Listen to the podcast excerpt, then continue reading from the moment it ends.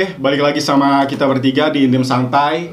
Eh, pada kesempatan kali ini kita bakal ngebahas yang lagi viral-viralnya nih terkait dengan sosok eh, putra bangsa yang begitu Hebat ya? begitu hebat, begitu berjasa bagi Indonesia dan baru kemarin belum lama ini meninggal dan sekarang tuh masih masa ini ya masih masa berkabung.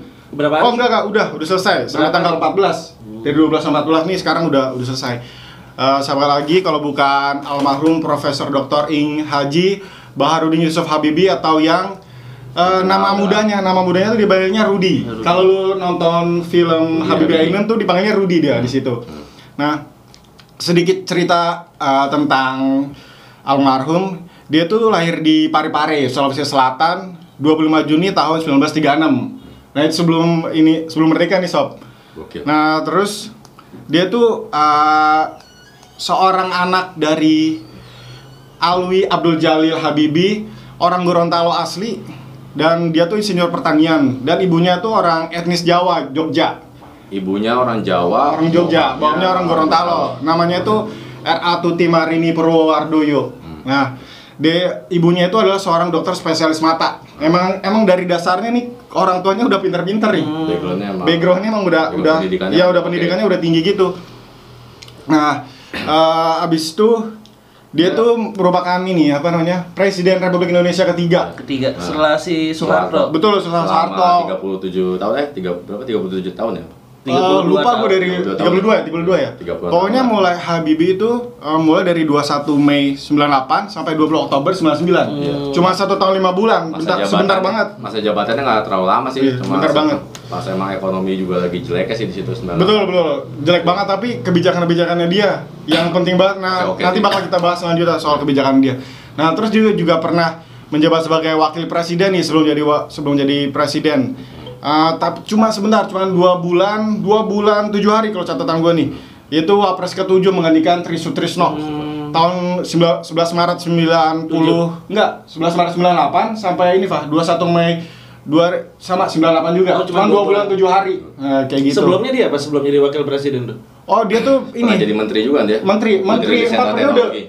Menteri empat periode Iya. menteri teknologi dia Iya, riset dan teknologi. riset dan teknologi Empat, satu periode empat tahun ya? enggak lima Oh, lima lima tahun. tahun jadi dari Nah, tahun di, di masa presidennya Soeharto dia menjabat eh, empat inilah empat periode. empat periode Nah, jadi itu dari tahun 20 tahun Iya. dari tahun 78 sampai tahun 98 Lama juga ya? lama lama banget Gila. Jadi emang berkecimpung di dunia pemerintahan, khususnya di dunia teknologi, Udah dia lama masuk ya? ke riset dan teknologi kan.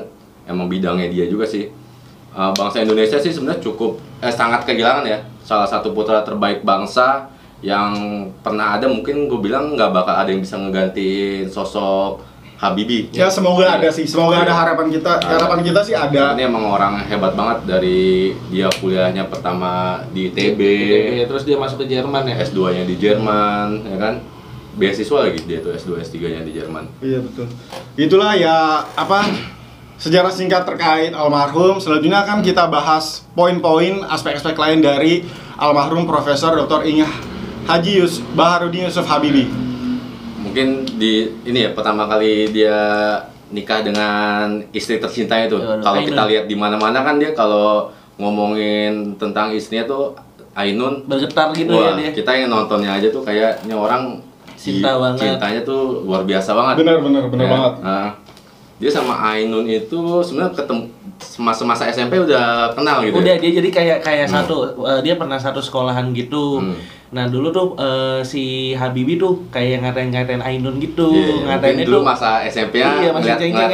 kayak Iya. orang suka kan dulu waktu Iya. kecil kan kayak Iya, ceng-cengan iya. gitu kan. Belum tahu dia nantinya pas gue cinta banget kan. Iya, Dulu iya, tuh iya. panggilan panggilan cengannya tuh ini ya gula, Gula, Jawa. gula Jawa. Ya, karena si Bukan Ainun gula aren, Pak. Iya, gula aren Oh. ini eh, kopi ini kenangan kan pakai gula aren Iya, kan. bener, bener, bener. Iya. Iya.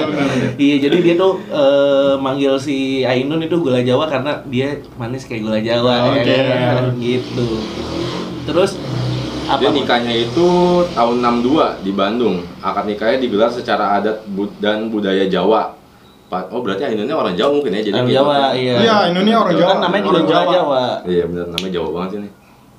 Terus dia- Resepsinya eh, digelar esok harinya tuh pakai adat Gorontalo. Iya, tapi itu dia nikahnya itu setelah dia pulang dari Jerman atau gimana ya? Setahu gua sih dia tuh uh, S1 kan di ITB tuh. Hmm. Terus dia dapat beasiswa Beasiswa. S2 di Jerman.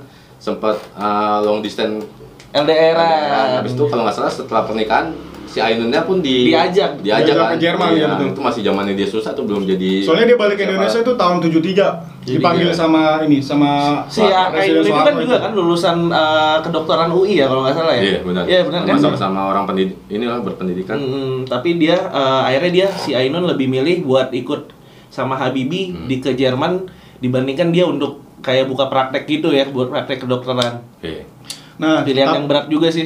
dia pun ke Jerman ini, Pak. Dia tuh ke Jerman juga ja- jadi dokter ini, dokter anak di Dokter rumah anak. sakit di Iya, Jerman. Tapi kan prosesnya lama tuh ya. Ah, Maksudnya hmm. dia yang sempat nganggur dulu, baru mungkin dia bosan atau gimana kan? Bukan, jadi bukan jadi dia sempat berarti dokter di Jerman nih. Mhm. Tapi saat menikah itu dia tuh dihadapin sama dua pilihan. Dia ini mau jadi tetap lanjut dari dokter atau jadi ibu rumah ibu Ibu rumah rumah tangga dan urus anak. Urus anak. Nah, s- begitu mulianya nih seorang almarhum Baik. Bu Ainun dia tuh milih jadi ibu rumah Ibu tangga, rumah ngurus suaminya dan uh, anak-anaknya kayak Iya. gitu, Pak.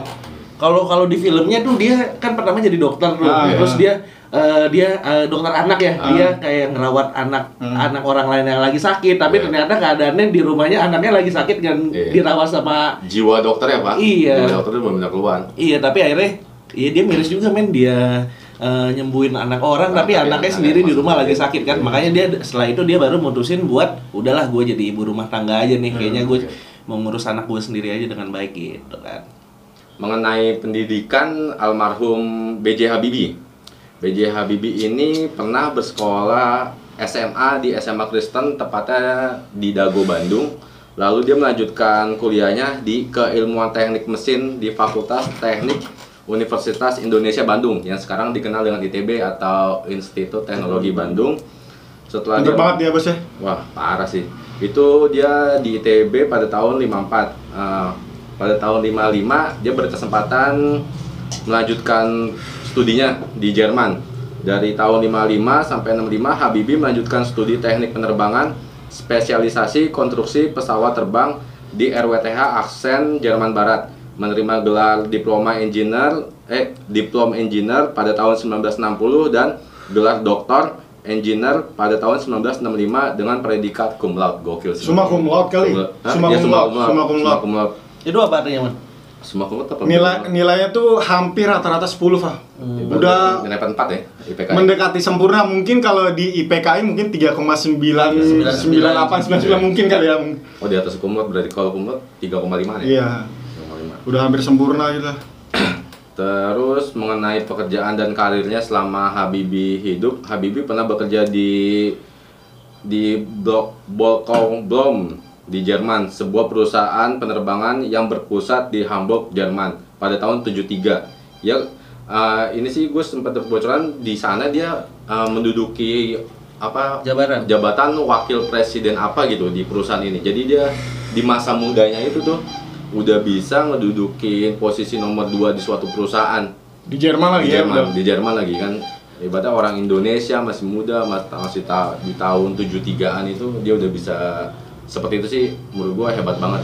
Emang otaknya tuh udah salah satu terbaik putra bangsa lah menurut gua. Itu dikasih makannya apa waktu kecil mamanya ya? Nggak ada matchin gua rasa sih. Iya benar benar. Ada. Tanpa tanpa matching matching klub kayak gitu. Ikan makannya ikan laut tanpa matching. Scott Emotion ya Scott kan? Emotion ya benar benar Iya. benar. Udah ada ya? udah ada Ya tapi nggak tahu juga sih ada apa kan di diperas aja kan itu kan dari sari ikan kan Iya sih. Dah Nah, kasih jeda gitu ya biar katanya kan gitu kan. Iya. Apa? Lanjut tuh Pak, lu ngomong coba ini Pak. Pekerjaan ya Hmm. oke Ini next. riwayat kerjaan sih. Iya, eh, oke, next. Eh, riwayat riwayat pekerjaan. Eh B.J. Habibie itu punya riwayat pekerjaan yang cukup banyak ya. Ini gue sebutin eh, di antaranya aja. Dia tuh pernah jadi direktur utama PT Perindustrian Angkatan Darat atau disingkat itu Pindad, Ya, ya betul. kan? Ini Indonesia ya? berarti? Indonesia. Indonesia. Lalu dia juga pernah jadi ketua Badan Peka- eh, Pengkajian dan Penerapan Teknologi atau singkatannya itu BPPT. BPPT di Tamrin tuh kantornya tuh. Di Tamrin itu ya. Dia naik kereta gak ya waktu Ya, mungkin. belum ada ya? Ya gua nggak tahu nih tahun berapa tuh. Itu tahun berapa, Pak? Belum macet dulu, Belum, Pak. belum. Masih Oh. Jakarta. Iya, terus dia juga pernah jadi eh, ketua Dewan Riset Nasional, buset di tahun 99. Berarti dia megang keseluruhan riset-riset apa aja yang dilakukan sama Indonesia kan? Makanya disebut Bapak Teknologi salah satu alasannya. Oh gitu, Nah. karena dia pernah jadi ini ya ketua Badan Riset Nasional Iya. itu.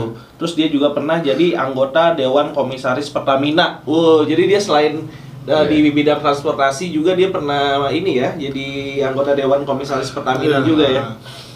Terus dia juga pernah jadi uh, asisten riset ilmu pengetahuan Ins- Institut Konstruksi Ringan di Jerman Barat di tahun 1960 sampai 1000 1965.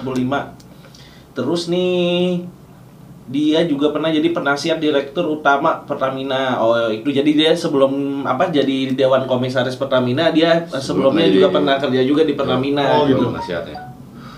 Terus dia juga jadi guru besar. Guru besar eh, dalam bidang konstruksi pesawat di ITB di- pada tahun 1997 ya. Balik lagi ke ITB. Balik berarti. lagi Nah, kan. Dia Kita juga- melawan buana kan, Iya, tapi kita harus benar-benar. tahu kita tuh berasal dari mana Siap. ya, kan. Dia juga pernah jadi presiden IPTN juga tuh yang apa namanya? IPTN abis itu jadi DI yang bikin pesawat terbang itu. Oh itu. Tapi emang di mana pun dia kerja tuh selalu berkecimpung di dunia teknologi, Hmm, teknologi, industri, industri ya, teknologi, pesawat, Betul.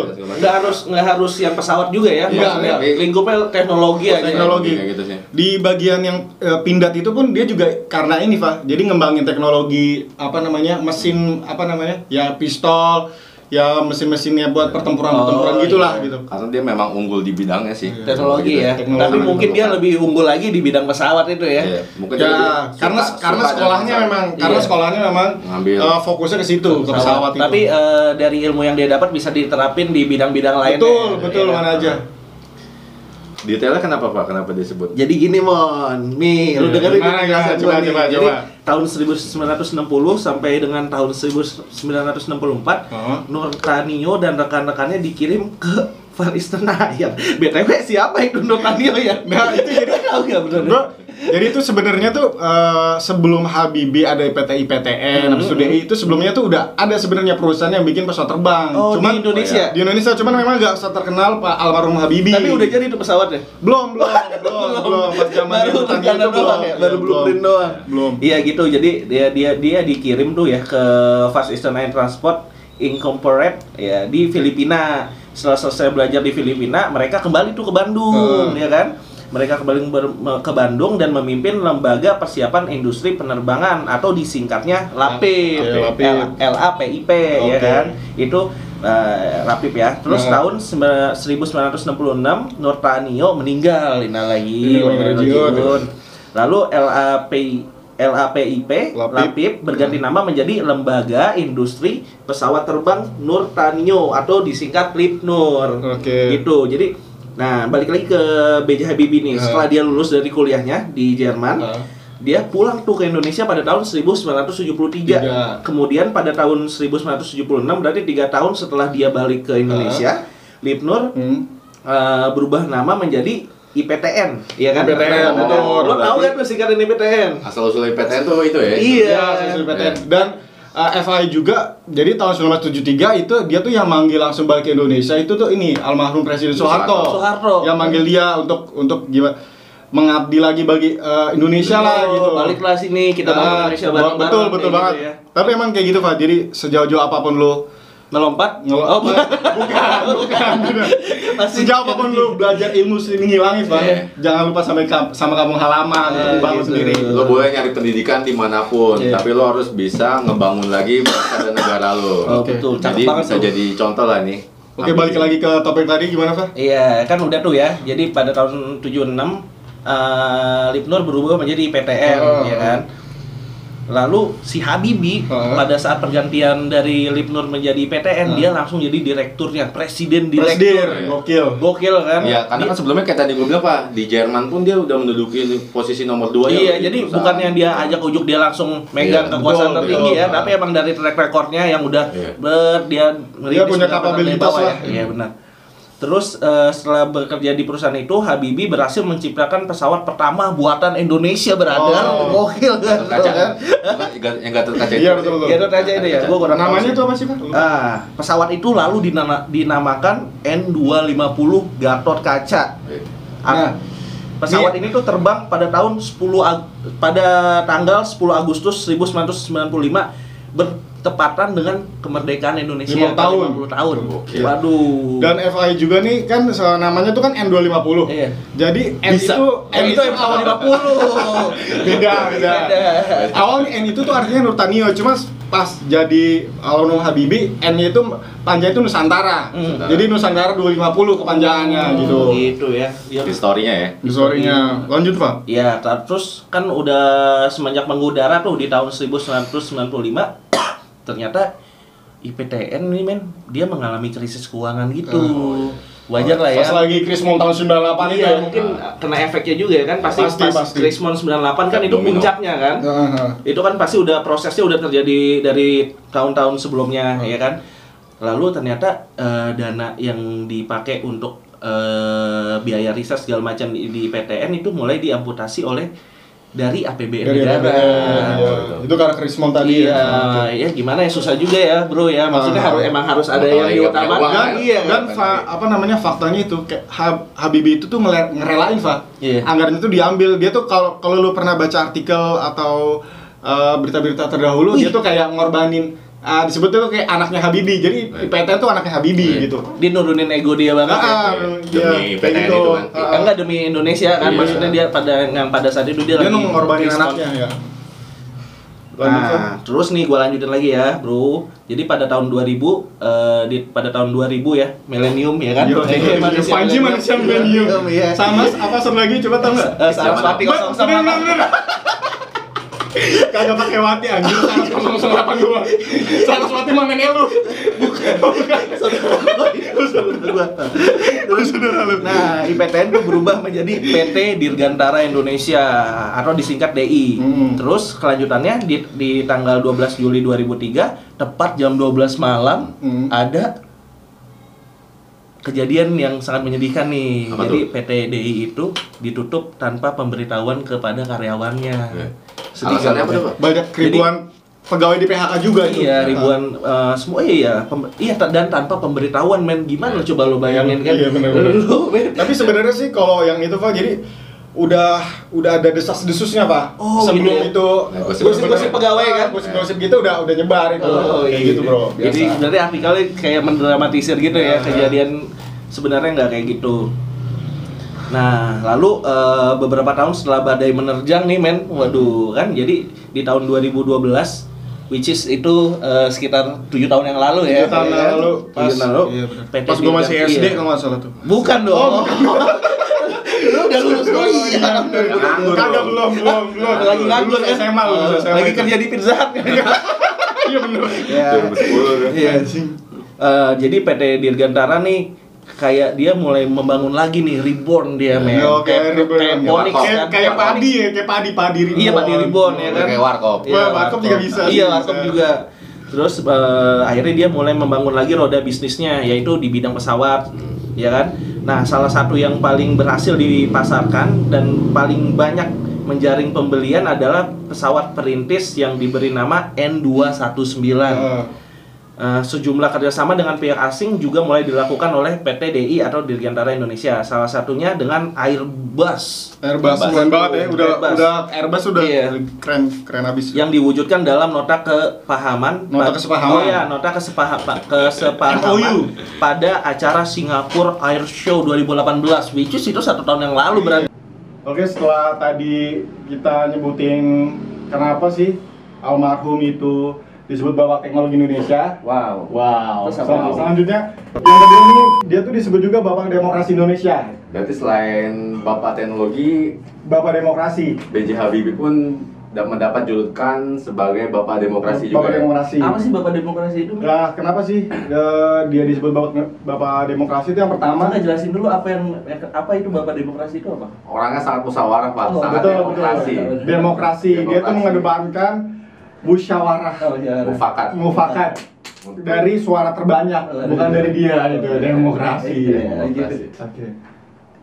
Dia tuh memberi kebebasan pada rakyat untuk menyalurkan aspirasinya sehingga banyak bermunculan pada partai politik baru. Nah, waktu eh sebelum, Sebelum. pas zaman 98 kan cuma ada Golkar, PDI, Pak dan PDI. cuma sedikit tuh. Iya. Nah, pas pemilu selanjutnya tuh partai politik jadi ada 48. Wow. Itu pertama kali tuh Iya. paling banyak tuh. Nah, habis itu habis itu dia juga membebaskan narapidana politik. Nah, jadi tuh pas lagi zamannya almarhum Soeharto itu ada ada beberapa orang itu yang ditahan. Kenapa? Karena dia tuh protes. Ditahan oleh Ini Oh. pemerintahan pemerintahan sebelumnya Iya. karena protes gitu kan. Iya. Nah, ditahan. Nah, pas lagi di zamannya si uh, almarhum Habibie ini dia tuh dilepas lepasin gitu orang-orangnya. Nah, terus dia, dia juga membentuk uh, undang-undang undang-undang terkait partai politik, habis itu tentang pemilu, habis itu susunan kedudukan DPR MPR. Nah, terus juga nih kan sebelumnya uh, presiden sebelumnya tuh kan pemerintahnya sampai 32 tahun ya. Iya. Nah, dia tuh mem- uh, membuat tentang pembatasan masa jabatan presiden dan wakil presiden maksimal hanya dua kali periode. Iya. Nah, dua kali periode mulainya dari awal situ. Nah, selanjutnya dia juga bikin tentang UU pers, kebebasan sama Berbicara, Nah, berbicara pendapat. Terus juga pers juga dan berbicara kan dulu kan pers itu takut-takut kan dulu kan Iya. untuk ngeluarin berita-berita. Nah, Untuk- sekarang untuk mengkritik pemerintahan. betul. Nah, sekarang kan udah sekarang pas zamannya dia tuh udah udah lebih Iya, jadi bebas uh, gitu. wartawan kayak dilindungi gitu oleh Ah, pemerintah ya. betul, ada undang-undangnya. Undang persnya. Terus juga ada UU otonomi, otonomi daerah Oh, gitu. otonomi daerah. Jadi dari Jadi daerah-daerah biar masing-masing sendiri dia punya uh, Kewenangan sendiri, betul. Walaupun sebenarnya banyak pro kontra juga sih. Iya sih. Nah, otonomi daerah itu. Nah, terus juga nih eh, ada seorang guru besar, guru besar mantan Mahkamah Mahkamah. Konstitusi, Iya. MK. Siapa? Profesor Mahfud MD. Dia tuh Oh. pernah bilang gini, Pak Habibie itu orang yang luar biasa, bukan hanya mau berjuang untuk kepentingan-kepentingan yang menguntungkan dirinya, tapi juga mengorbankan seluruh yang dia miliki untuk negara ini. Nah, kenapa dia ngomong kayak gitu? Nah, kita tahu pas tahun 98 itu, beliau itu kalau uh, mau bertahan secara konstitusi menjadi presiden presiden Indonesia itu bisa aja bisa sampai tahun Ya. 2003. Tapi dia tuh nggak nggak nggak egois dia mau jadi presiden sampai 2003. Tapi dia tapi beliau tuh ngomong ngomong langsung yaitu saya akan mengadakan pemilu agar rakyat bisa langsung memilih pemimpinnya sendiri melalui pemilu yang baik. Nah, dan terjadi pemilu sesudah itu tuh.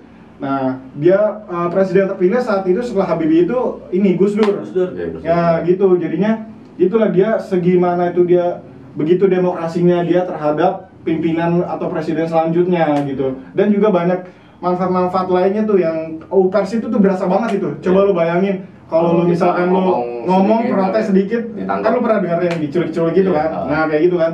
Kalau udah ada kayak gini di- negara Indonesia tuh lebih terjamin lah Iya. pokoknya kayak gitu. Sesuai dengan Pancasila ya. Nah, benar kayak gitu. Jadi kenapa dia disebut Bapak Demokrasi Indonesia gitu.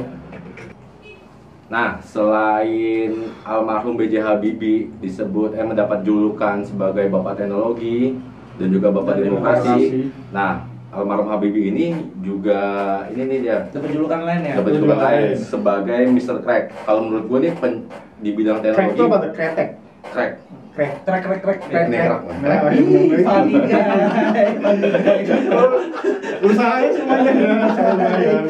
Nah, tapi menurut gue nih salah satu pencapaian tertinggi loh di bidang teknologi khususnya di dunia pesawat. Pesawat. Aviasi. Ya, aplikasi pesawatan itu. kan. Affiliate. Ya lu pada nggak paham ya. Kenapa dia disebut Mr. Crack? Karena penemuannya di dunia penerbangan, yakni crack progression teori alias teori Habibie. Ini semacam kayak lo tahu kayak teori Newton, yang zaman apa sih? kayak Oh, dia- dia juga ngebuat Nah, kayak dia gitu. punya sampai punya teori Habibie loh. Habibie mendapatkan julukan Mr. Crack. Teori tersebut dipakai untuk memprediksi crack propagation poin atau letak awal retakan pada pesawat, terutama sayap yang merupakan struktur penyangga. Dengan begitu bisa menahan tekanan apalagi saat pesawat lepas landas atau take off, mendarat atau saat landing dan mengalami turbulensi. Jadi mungkin dulu awalnya pesawat dia terbang pada saat take off atau landing, ini sayapnya nih krek gitu ya. kayak punggung ya. Yang lagi mual aja kan. Dia sampai nyiptain teori Habibie sendiri nih, makanya disebut dengan Mr. Crack. Habibie menghasilkan temuan ini saat usia 32 tahun. 32 tahun. Lu bayangin, Pak. Lu sekarang kan udah umur 32 Lima nih. tahun lagi. Lu apa yang udah lu Belum, capai? nanti yang gua capai di umur 32 sama. Oke, siap, siap. Amin. Apa lo? Teori apa? Teori Riva. Teori iya, teori Riva. Bahasa Inggrisnya apa ya? Teori Riva itu. Riva teori. Riva teori. Nah, Nah, Gua- terus gua teori gue, ya kan? Apa? Ya udah. Nah terus ini lagi nih, pas lagi kemarin eh, almarhum itu dikuburkan nih, Jokowi sempat Nah, Jokowi pas lagi sambutan ke apa namanya untuk me- memakaminya dia bilang kayak gini nih. Selamat jalan Mr. Craig, selamat jalan sang pionir. Kami akan ing- selalu ingat pesanmu. Jangan terlalu banyak diskusi, jangan cengeng, tetapi terjunkan diri ke nilai tambah secara konsisten. Pasti Indonesia akan terkemuka di Asia Tenggara dan di dunia. Oh, Macan Asia ya, amin. Kayak gitu. Itu mas Rigala. Serigala. Eh, prestasi Habibie ini ada banyak, brother. ya? Apa aja tuh, brother? sebutin satu-satu nih. Oke, siap, brother. Dia pernah meraih gelar doktor di Jerman dengan predikat summa cum laude Iya. berkat nilai rata-ratanya 10. Hampir, hampir, hampir 10. 10. Karena kesempurnaan hanya milik Allah. Pak. Iya, iya. Bando. Ya ampun. Terus gua sebutin lagi ya. Prestasi dia yang lain nih. Terus dia pernah menjabat menjadi presiden presiden direktur PT IPTN tahun 1976. Yang tadi kita udah jelasin di Iya. awal ya. Itu cuma salah satunya sebenarnya banyak lagi. banget. Terus ya itu kayak yang eh, se- eh, sebelumnya dibahas teori keretakan atau crack, ya kan? Terus dia juga pernah menjadi eh, s- eh, setelah dia menjadi dokter nih, Habibie pernah bekerja di perusahaan penerbangan di Jerman, ya kan? Dia tuh menduduki dua jabatan sekaligus. Bantu, bantu bosku. Dia pernah jadi di di satu periode yang sama dia eh, menjabat sebagai direktur kronologi dan juga menjadi vice president MBB. Nah itu dia yang gue bilang tadi Pak, Yang menduduki posisi kedua di perusahaan itu tuh, Oh, vice president, president. wakil presidennya. Terus dia juga pernah eh, meraih penghargaan nasional maupun internasional. Apa tuh kak? Lalu eh, untuk yang internasional dulu yang gue Oke, sebutin oke, ya, dia pernah mendapatkan penghargaan Edward Warner Award dan Award for Artinya, artinya apa pak? Jadi ini penghargaan penghargaan dari Edward Warner ya kan Iya, atas apa pak? atas eh pemerintah nggak tahu gua Oh, apa. nggak tahu. Oke, oke. ya ada ya cari sendiri aja ya. Sendiri ya. Kalau ada yang tahu komen aja di bawah. Iya, Terus pemerintahan Jerman juga pernah memberikan penghargaan Frankisch Wah, sus. dan Das Gross Bert Mr. Deh. Ya. Habibie juga uh, mendapatkan penghargaan di negaranya sendiri, ya kan? Indo- di Indonesia itu uh, apa penghargaannya didapat dari ITB yaitu uh, Ganesha Praja Manggala Bakti Kencana. Keren banget ya. Iya, jadi Gak kaget sih gua kalau seorang Habibie dapat iya. penghargaan di mana-mana. Jadi itulah dari apa Sebagian sebagian dari kecil ya. Bang, kecil yang kecil itu ya yang kita kasih tahu. Iya. Sisanya cari sendiri. Semalam saja bersama. Wih, masih 8 menit, guys. Sikat Bil. Udah nih abis lo ngomong riwayat ngomong kuat salah satunya abis itu Enggak enggak, ini bisa Mang, ini bisa disebutin dikit ya Mang. Penjelasan singkat yang bawah-bawah ini Mang. eh man, man, yang mana bawa yang Oke, yang ekonomi ya. Ekonomi ya, dulu. Oke, selain yang tadi udah dijelasin prestasi-prestasi almarhum, dia juga bikin prestasi di bidang ekonomi yaitu pas lagi krisis ekonomi tahun 98. Hmm. Berarti pada saat dia menjabat Sebagai presiden. Presiden, itu bang, ekonomi itu benar-benar lagi hancur-hancurnya. Iya, nah, dolar pun kan menguat. itu depresiasi rupiah tuh saat itu tuh sampai di level 11.200. Apa tuh depresi itu? Depresi nilai ini pak, penurunan nilai mata uang rupiah terhadap dolar. Iya. Nah, Nilai tukar rupiah sangat melemah pak. nah beberapa pekan setelah dia mendapat Jadi eh, tunggu deh. Jadi makin tinggi nilai rupiah berarti itu makin lemah hitungannya. Enggak. Iya benar. Per kalau rupiah Terhadap dolar. terhadap dolar ya, Iya. itu makin melemah. Iya. gitu. Oke. Eh, beberapa pekan setelah dia jabat jadi presiden, rupiah, nilai rupiah itu bahkan pernah terlemah sepanjang sejarah Indonesia itu sampai 16.800 di 1 Juni tahun 98. Nah, untuk eh, gimana nih kebijakan Habibie biar rupiah kuat lagi, dia tuh merestrukturi- merestrukturisasi dan rekapitulasi perbankan melalui pembentukan BPPN atau Badan Penyihatan Perbankan Nasional dan Unit Pengelola Aset Negara. Lalu Habibie melikuidasi beberapa bank yang bermasalah dan mengikuti sejumlah langkah reformasi ekonomi yang disyaratkan dana IMF atau International Monetary Fund. Nah, hasilnya dalam pemerintahan Habibie yang singkat ini, rupiah tercatat itu menguat sampai 34,1 persen. Itu di dari 11.200 pas pertama dia kali menjabat sampai di akhir jabatannya dia itu sampai 7.385 di Oktober 99. Nah, bahkan rupiah sempat menyentuh level terkuatnya sepanjang sejarah Indonesia yaitu 6.550 di 28 Juni 98 28 Juni 99. Kayak gitu lah. ya. Berarti dalam masa jabatannya dia nggak terlalu lama Ah. bisa sampai nurunin 6.000, men. Iya, 6.000. 6.000. Itu yang tadi gue bilang. Kamu kebijakan apa yang dia buat? Ya itu yang tadi gue bilangin yang gue sebutin. Oh. Kayak ya kayak dia ngelikuidasi bank-bank bermasalah, restrukturisasi kayak gitu. Terus dia yang tadi gue bilang juga, dia tuh ngorbanin anaknya itu loh. Dia ngorbanin anaknya, tadinya kan anggaran negara tuh besar ke IPTN. PTDI, PTN atau DI itu kan. Nah, karena yang dulu pas DI kan Ah, diubahnya 2000 2000 2000. 2000. Nah, pas dia udah eh, ditarik tuh anggaran dipotong otomatis APBN-nya itu ini apa namanya? APBN untuk perusahaan yang IPTN itu berkurang. Iya. Salah satunya itu makanya dia bisa naik ekonominya kayak gitu. Selain prestasi-prestasi yang tadi udah disebutkan, dia tuh juga mendapat 12 gelar kehormatan internasional. Apa aja tuh? Banyak banget gue nyebutin kayak terlalu berbusa deh nih. Gue sebutin negaranya aja kali ya. Iya. Dari Malaysia, dari Inggris, dari Prancis, dari Swedia, dari Jerman, terus antariksa Jerman, terus Akademi Aer- Aeronautika Nautika Prancis tuh banyak banget emang prestasinya dia. Tapi dari dari banyak kehormatan itu. Tapi dari banyaknya prestasi eh, prestasinya dia itu ya itu ya dari bidang teknologi aja betul, te- ya. teknologi emang dia kuat emang bidangnya di Tapi teknologi. lu sempat dengar sih tentang Habibie kan misal gue lupa deh di Jerman atau di Amerika gitu kayak dia punya bank sperma nih Hmm. jadi Oh, tahu gua, ah, kayaknya pernah jadi orang-orang yang punya kualitas Sperma yang bagus, bagus, IQ bagus ya. IQ-nya bagus Oke, gua Jadi- gitu ya. Oke. Gimana, Pak? Ditangkapin apa nggak nih? Males dulu.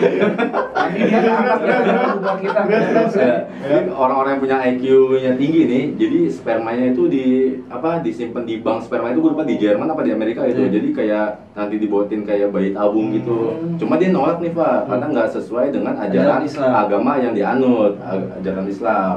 Gitu sih. Oh, lu udah nggak pinter dibuang-buang, Pak. Dia Iya. nggak mau, Pak. Eh, tapi sih belum lu? lu itu cara ngeluarinnya gimana ya? Ya gimana? Ya manual lah, gimana lagi? Iya. Oh gitu. Iya lah. Emang gimana cara manualnya? Iya. Gua gua nggak pernah manual sih tapi. Oke, oke. Oh gitu, Mon. Jadi lu sering ya? Oke, lanjut. Cuma ada Siapa Oke. terakhir teman? Oke, habis itu, nah dia juga diapresiasi sama pemerintah di Gorontalo. Banyak eh, ada pembangunan monumen B.J. Habibie, terus rumah sakit. Rumah sakit tuh ada dinamain Rumah Sakit Dr. Ainun. Habis itu ada mau dibikin Universitas Negeri Gorontalo itu dirubah jadinya namanya Universitas B.J. Habibie. Oke. Habis itu bandar udaranya juga diganti. Terus museum. Terus jalan-jalan penggunaan nama Habibie di jalan protokol. Begitu pula di daerah Parepare tempat dia dilahirin. Di situ ada rumah sakit Ainun juga sama. Habis itu eh, jalan protokol terus usulan pendirian Institut Teknologi Habibie. Dan yang apa namanya? Ada monumen cintanya juga, Bos. Monumen cinta di Mana? Parepare. Ada Habibie di Ainun. Parepare. Iya, Habibie Ainun. Monumen cinta Habibie Ainun. Eh nanti gambarnya ada ada di sini ya gambarnya. Iya. Nah, iya. Iya, iya. Eh, terus juga dia tuh selain di bidang Eh, teknologi, geser dulu gambarnya. Oke, boleh, boleh. Kelihatan- nggak kelihatan muka lu, ya. sel- selain di bidang teknologi dia tuh juga bersejarah nih bagi apa namanya dari sektor pemberantasan korupsi. Jadi pas dia di tahun 99 itu dia tuh naikkan Undang-Undang 31 tahun 99 dan isinya tuh mengharuskan untuk membentuk eh, pembentukan Komisi Pemberantasan Tindak Pidana Korupsi atau yang sekarang disebut KPK. Oh, Nah, itu di- juga nih Habibie itu? Itu Habibie pas tahun 99. Cikal bakalnya dia. Cikal bakal. Oh, tapi belum namanya belum KPK pada saat itu. Nah, Itu masih- KPK itu kan dibuatnya juga tahun 2004, Pak. pengusulan pengusulan Oh, pembentukan harus dibikin eh, badan itu pak Iya. terus juga di bidang pertahanan ketahanan nasional nih dia juga eh, jadi dirut pindad itu selama 15 tahun tahun 83 tahun 98 dia tuh mencetuskan bagaimana kemandirian Indonesia dalam industri pertahanan dengan- mengedepankan riset, development, dan inovasi serta harus bisa menciptakan produk militer secara mandiri. Itulah luar biasanya dia teknologi dia- Luar biasa. Selain di bidang aviasi, terus di bidang ketahanan juga, terus juga satu lagi yang tadi gua lupa sebutin.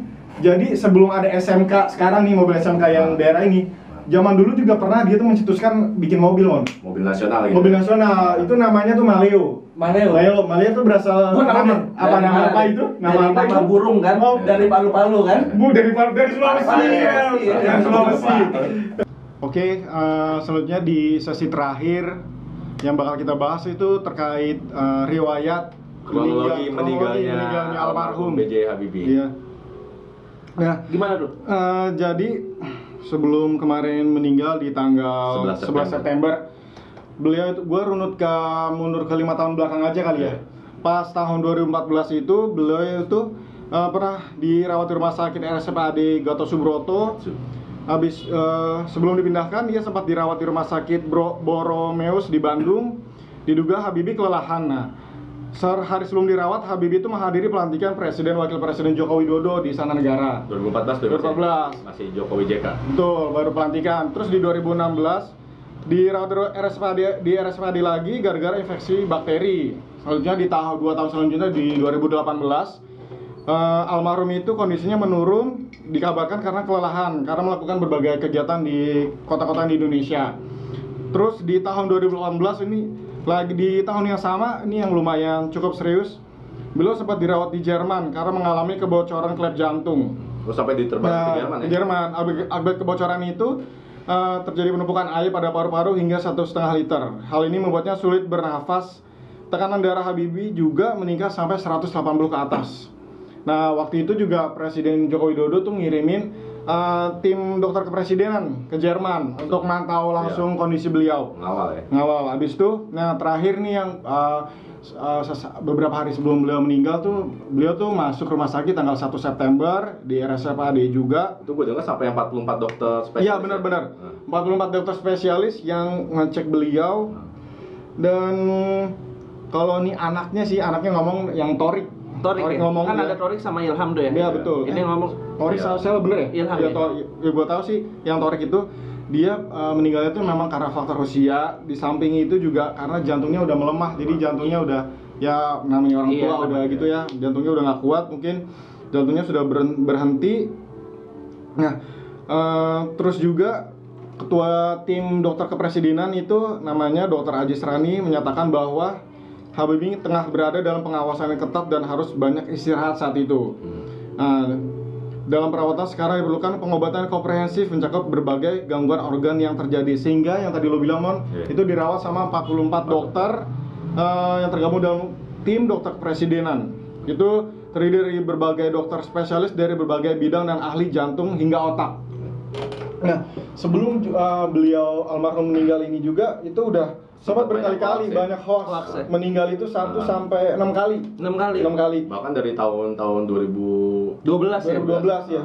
sempat diterjang isu hoax bahwa Habibie udah meninggal padahal sebelumnya di saat itu Habibie masih Masih sehat-sehat aja. Iya. Kalau nggak salah dia yang masih berenang gitu Iya, di kolam renangnya. masih aktivitas normal lah Hmm. walaupun sebenarnya udah tua tapi tua juga. masih banyak aktivitas Ya itu harus sering-sering olahraga lah ya. Ya. Ngaruh juga kan itu. nah kan kita udah banyak ngebahas tentang Habibie nih Terus toh, gue pengen ini nih minta pendapat lo berdua nih kalau lo dengar kata Habibie eh, dengan beberapa kata atau satu kalimat menurut lo Habibie itu apa? Apa dari gue dulu nih? Dari lo dulu deh. Kalau dari gue menurut gue tuh gue mungkin ada 3 sampai 4 kata.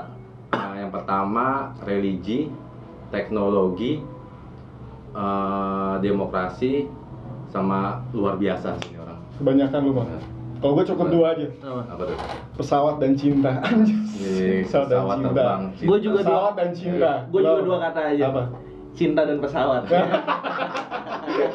Iya, dia nggak kreatif ya pesawat dan. Eh, Oh iya, gue juga mau ngasih tahu fun fact sesuatu terkait eh, percintaannya dia dengan almar almarhumah. Jadi, jadi eh, eh, mantan Kementerian ini Menteri Sosial, Oh, Sofifah yang jadi Ah. sekarang jadi gubernur. Ah, dia tuh pernah ngomong gini. Habibie itu nggak pernah absen mengunjungi makam istrinya setiap malam Jumat. hingga 40 hari wafatnya.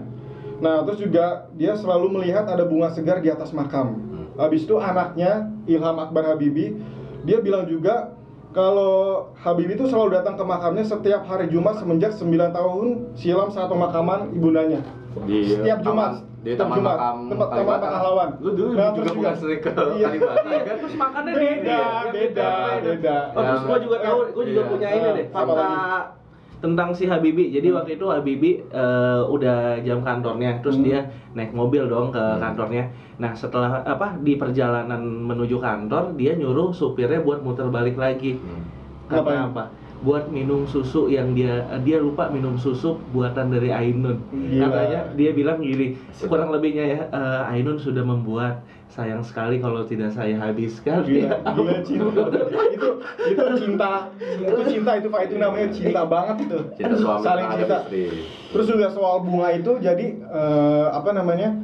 Eh, Habibie itu tuh nyuruh staffnya atau orang siapa pun itu ganti bunganya itu setiap dua minggu sekali di hari Selasa sama Jumat. Oke. Itu bunga sedap malam sama bunga anggrek. Nah itu eh, konon kat- katanya itu eh, Bunga dua bunga favorit kesukaan almarhum Apa, almar- anggrek sama? sedap malam. Sedap malam. Itu dua kali seminggu bro. Selasa sama Jumat. Luar biasa cintanya kan. Sampai sekarang ya dari dari dia meninggal. Iya ya. betul. Meninggalnya 2010 ya? 2010. 2010 kan. Gitu mungkin gitu aja kali ya.